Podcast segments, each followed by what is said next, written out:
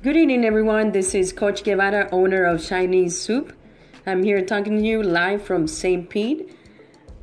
This is episode six, I believe, and I'll be providing you guys with a tip almost every day. At least I'll try to.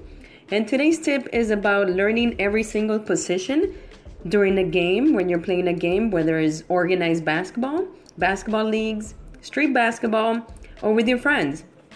It's very important to have knowledge on every single position in basketball.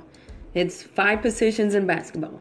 So you should learn how to be a point guard, a shooting guard, a forward, power forward, and center, regardless of your height or weight.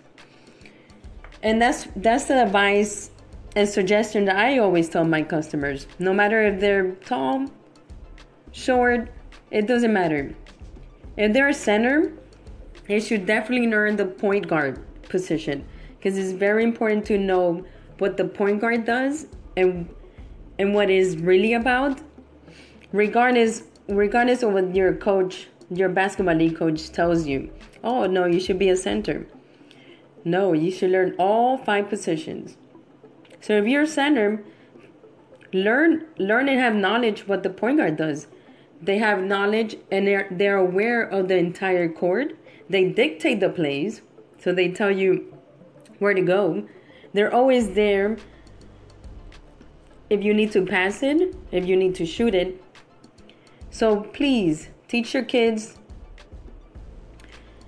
teach your kids to learn all five positions. Very important for them to have knowledge of the game, IQ of the game, and for the kids to have responsibility. They're responsible to learn all five positions. That's just my tip and advice I would tell every single student, athlete, parents, and coaches. Because it's, it's important. It's fun to know what the center does, what the forward does, what the power forward does, the shooting guard, where they at in the court, whether they're in the left side, they're in the right side, the elbow, the free throw, the paint. So you should be aware as a student, athlete, parent, and coach where every single position is at during the game.